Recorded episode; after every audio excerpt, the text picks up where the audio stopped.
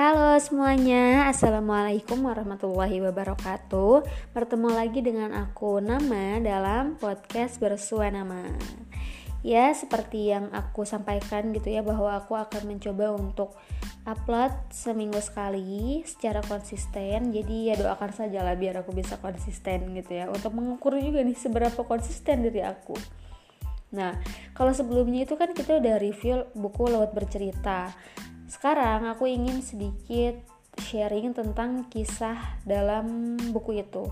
Jadi dalam buku itu kan Laut pemeran utamanya memang seorang aktivis yang diculik dan meninggal gitu ya, menghilang atau memang dibunuh pada kisah itu kan ditenggelamkan di lautan. Nah, ini kan terinspirasi dari kisah nyata nih. Jadi aku mau berbagi sedikit tentang ini yaitu tentang kisah pada penangkapan itu aktivis-aktivis yang ditangkap gitu ya. Jadi memang pada kenyataannya pada tahun 1998 itu aktivis mahasiswa bukan aktivis mahasiswa aja sih pokoknya aktivis banyak yang dinyatakan hilang atau diculik. 9 orang di antaranya itu dikembalikan kembali jadi semua orang yang diculik ini ada yang dibalikin ke daerahnya masing-masing lagi gitu ya dipulangkan yaitu ada Desmond Junaidi Mahesa, Haryanto Taslam, Pius Lustri Lanang, Faizul Reza, Raharjo Waluyo Jati, Nezar Patria, Aan Rusdianto, Mugianto, dan Andi Arif. Namun di balik itu juga ada 13 aktivis yang dinyatakan hilang dan tidak pernah kembali. Yaitu Petrus Bima Anugrah, Herman Hendrawan, Suyat, Wijitukul, Yani Afri, Sony, Dedi Hamdun, Nova Akatiri, Ucok Mundadar Siahaan, Hendra Kambali, Yadin Muhyiddin, Abdul Nasir, dan juga Ismail. Jadi inilah 13 sosok aktivis yang menyuarakan gitu ya, berusaha untuk menyuarakan suara rakyat, yang berusaha untuk memperbaiki keadaan negeri, namun justru diculik dan tidak pernah dikembalikan. Yang kita nggak pernah tahu gitu ya kondisi 13 aktivis ini bagaimana apakah memang benar-benar meninggal atau mungkin kita nggak pernah tahu gitu ya faktanya seperti apa.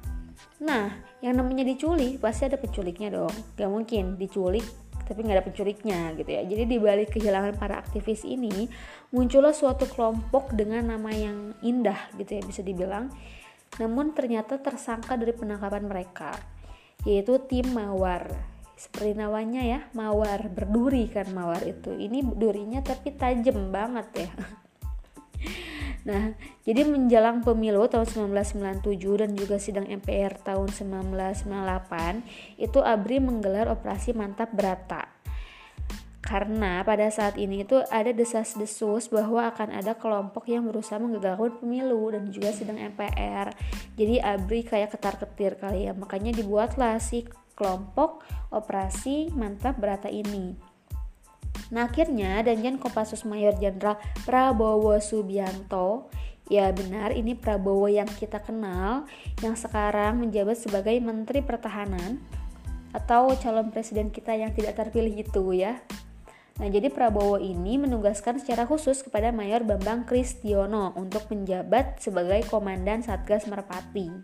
Nah, Komandan Satgas Merpati ini apa? Yaitu Satgas yang bertugas untuk mengumpulkan data dan juga informasi tentang kegiatan kelompok-kelompok radikal.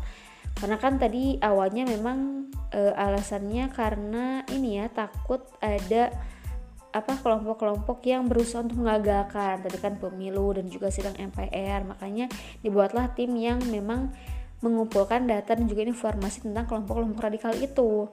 Nah, radikal di sini maksudnya apa? Yaitu kelompok-kelompok yang memang memiliki pemikiran kritis dan juga memang memiliki aksi yang bertentangan dengan pemerintah. Nah, di sisi lain, Mayor Bambang ini nih, si ketua Satgas Merpati ini, membuatlah dia tiga tim. Ada tim Mawar, tim Garda Muda, dan juga tim pendukung. Tim Garda Muda ini bertugas untuk menggalang organisasi kelompok muda di daerah tertentu. Sedangkan tim pendukung itu tugasnya membantu satuan bawah kendali operasi atau BKO dalam tiap-tiap komando daerah militer. Sedangkan nih si tim Mawar ini bertugas untuk mendeteksi kelompok radikal pelaku aksi kerusuhan dan teror. Sesuai tugasnya memang yaitu dia fokusnya ke aksi-aksi radikal. Radikal menurut mereka ya. Nah jadi tim mawar ini terdiri dari siapa aja? Tandai nih sama kalian ya namanya. Ingat-ingat pokoknya. Jadi tim mawar ini terdiri dari Komandan Mayor Bambang Kristiono yang tadi Kemudian wakil komandannya yaitu Kapten Fauzani Dan juga ada intelnya tim kap Intel tim Kapten yaitu Nugroho Kemudian timnya dibagi ke dalam dua unit. Yang pertama, unit pertama itu dikomandani oleh Kapten Dadang dengan wakilnya Kapten Untung Budi Harto dan anggota Serka Sunario dan Sertu Sukadi. Unit yang kedua dikomandani oleh Kapten Julius Selvanus dengan wakilnya Kapten Jaka Budi Utama dan anggotanya Kapten Fauka dan Serka Sigit.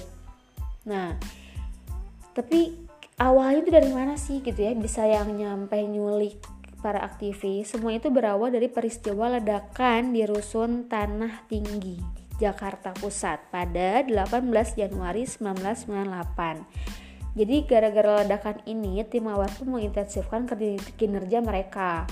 Mereka menyusun rencana penangkapan sejumlah aktivis yang memang dicurigai telah terlibat dalam pengeboman ini.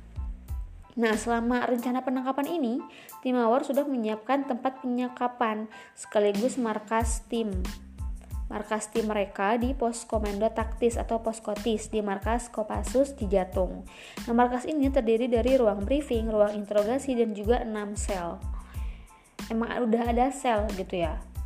Nah, kamar sel ini berukuran 2 kali 3 meter persegi. Dindingnya dari jaring besi beton, pintunya dari jeruji besi, dan di dalamnya itu ada bak mandi, ada kakus dan juga dipan payu.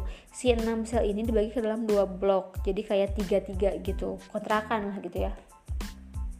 Nah, jadi bisa dibilang memang fakta dari penangkapan aktivis ini sangat-sangat mirip dengan apa yang ada di buku Laut Bercerita. Jadi kalau kalian udah tahu tentang fakta ini, terus kalian nanti misalkan baca buku Laut Bercerita, itu mirip banget. Kayak Bu itu cuman ganti nama lah. tapi ya itu ya se apa ya sebaik itu riset yang dilakukan oleh Ibu Laila sampai memang mirip dengan fakta-fakta yang beredar. Bukan fakta-fakta yang beredar fakta yang ada. Seperti itu. Nah seperti yang ditulis juga di buku bahwa para aktivis ini ketika ditangkap mereka itu dipukul, ditendang, ditelanjangi, ada juga yang disuruh telentang di atas wellbed, ada yang ditenggelamkan ke dalam bak mandi, ada yang apa namanya tangannya di borgol terus kakinya di strom gitu. Ini memang seganas itu pada kenyataannya pun emang gitu. Mungkin kalau kita buku baca buku laut bercerita kita bakal mikir kayak oh yaudah ini fiksi mungkin lebih lebihkan tapi enggak enggak lebih lebihkan emang kenyataannya kayak gitu. Terus ini juga fun fact ya e, cerita yang memang ada dalam buku laut bercerita dan pada faktanya memang seperti itu jadi kehidupan desa bawah tanah itu nggak pernah sepi. Selalu ada musik yang di yang apa diputar gitu. Jadi penjaganya itu selalu memutar lagu dari tape dengan suara yang bising. Jadi kenceng banget suaranya. Nah pada suatu hari setapnya ini rusak. Jadi si penjaga itu ngeganti pakai radio. Radio gitu ya. Nah jadi radio ini kalau radio ini kan dari tengah malam sampai subuh nggak ada suaranya ya jadi sepi gitu kan jadi hening lah nggak ada suaranya. Nah akhirnya si orang-orang yang disekap ini tiap tengah malam sampai subuh mumpung lagi sepi mereka suka diskusi. Nah dari situlah mereka jadi tahu gitu orang orang yang ada di apa namanya yang ada di sini siapa aja sih gitu. Nah itu. Nah jadi nah tapi emang sih jadi penangkapannya terus penyekapannya itu mirip banget sama yang yang ada di buku. Jadi kalau kalian penasaran kayak gimana kalian sebenarnya banyak sih artikel tentang ini ya. Jadi kalian bisa bisa bisa tuh baca baca artikel baik itu dari Tirto dari Kompas dari Tempo apa pun lah pokoknya kalian coba baca dan bandingin gitu ya seperti apa kisahnya. Nah kalau di laut bercerita ini emang mirip banget cuman ya gak ada nama tokohnya aja. Tapi kalau kalian udah baca bukunya itu pasti kegambar secara kronologis tuh kayak gimana sih gitu ya. Nah jadi seperti tadi kan yang sudah aku sampaikan ya bahwa ada 9 orang yang akhirnya dikembalikan. Nah, 9 orang ini dikembalikannya dengan cara gimana ya? Tentunya dengan diawasi ya. Ada yang diantarkan ke bandara gitu langsung dikasih tiket. Ini kamu pulang ke Lampung gitu. Ini kamu pulang ke Palembang. Gitu. Ada juga yang dianterin ke apa namanya? pakai kereta tapi pakai pengawasan gitu di keretanya di ke Jepara. Ada juga yang ke mana ya? Pokoknya banyak lah pokoknya banyak dan ya 9 orang gitu kan dan memang dengan pengawasan yang amat sangat ketat. Terus mereka juga kayak dikasih baju dikasih uh, seperangkat inilah pakaian untuk mengganti pakaian mereka yang pastinya kan udah rusak gitu ya setelah mereka disekap. Jadi ketika mereka pulang ke rumah itu memang sudah dalam keadaan yang tidak seperti orang yang udah diculik gitu. Terus mereka juga pastinya diancam jangan sampai membocorkan hal ini kepada orang lain. Walaupun pada saat akhirnya ya mereka membocorkan juga gitu kan jadi sebenarnya yang apa ya yang menurut aku bisa um, yang menurut aku bisa kita ambil dari kisah ini bahwa inilah kehidupan kita tahu gitu ya di sini kan ada tokoh-tokoh dari Timawar tokoh-tokoh yang menjadi tersangka lah. Mereka adalah orang-orang yang menculik para aktivis, bahkan juga bisa saja membunuh para aktivis itu karena faktanya kan 13 orang menghilang. Mereka memang sudah dihukum dan dijadikan tersangka, tapi kalau kalian ketahui gitu ya, tim Mawar ini sekarang juga menjabat pada jabatan-jabatan tinggi di pemerintahan. Jadi tadi kan udah aku sebutin ya tokoh-tokohnya. Coba kalian searching deh. Sekarang jabatan mereka apa? Itu jabatan mereka tuh tinggi di pemerintahan. Jadi walaupun mereka kasus ini sudah dikeluarkan, sudah diangkat, terus mereka dijadikan tersangka, tetap aja orang yang berkuasa tetap berkuasa. Kayak gitu. Itu sedihnya ya, ironiknya. Kemudian kalau kita lihat dari para aktivisnya juga apa yang tidak kalah men menyedihkan daripada ini gitu loh. Maka ada salah satu orang tua dari aktivis yang menghilang dia itu memprotes tentang pengangkatan si Untung nih. Astagfirullah maaf ya. Bapak Kapten Untung Budi Harto karena Untung ini kan sekarang juga menjabat nih di pemerintahan. Jadi dia kayak keikhlas lah gitu si Untung ini masih ada gitu ya masih berjaya gitu. Jadi ya itu sih. Memang sulit gitu ya untuk membenahi apa yang ada di negeri kita. Tapi ya kita sebagai rakyat biasa alangkah baiknya minimal kita tahu lah kalau kita nggak bisa bergerak minimal kita tahu.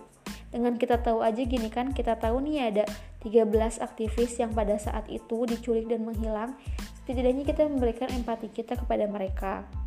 Setidaknya kita tahu oh ada tim mawar nih gegeduknya siapa tadi di atas? Ya nggak usah aku mention lagi ya kalian sudah tahu tadi ya mungkin itu aja ya untuk podcastku pada hari ini. Mungkin agak belibet sih aku ngomongnya tapi kalau kalian lebih penasaran ya kalian baca-baca aja artikelnya. Ya terus kalian baca juga Bu Laut bercerita karena itu sekeren itu sih. Sayang banget kalau sampai kalian nggak baca. Jadi itu aja. Makasih banyak untuk semuanya. Makasih banget kalau udah ada yang dengerin. Ini iya sih kalau sampai ada yang dengerin. Oke okay, thank you cukup dari aku semoga minggu depan aku masih bisa upload ya. Semoga konsisten. Wassalamualaikum warahmatullahi wabarakatuh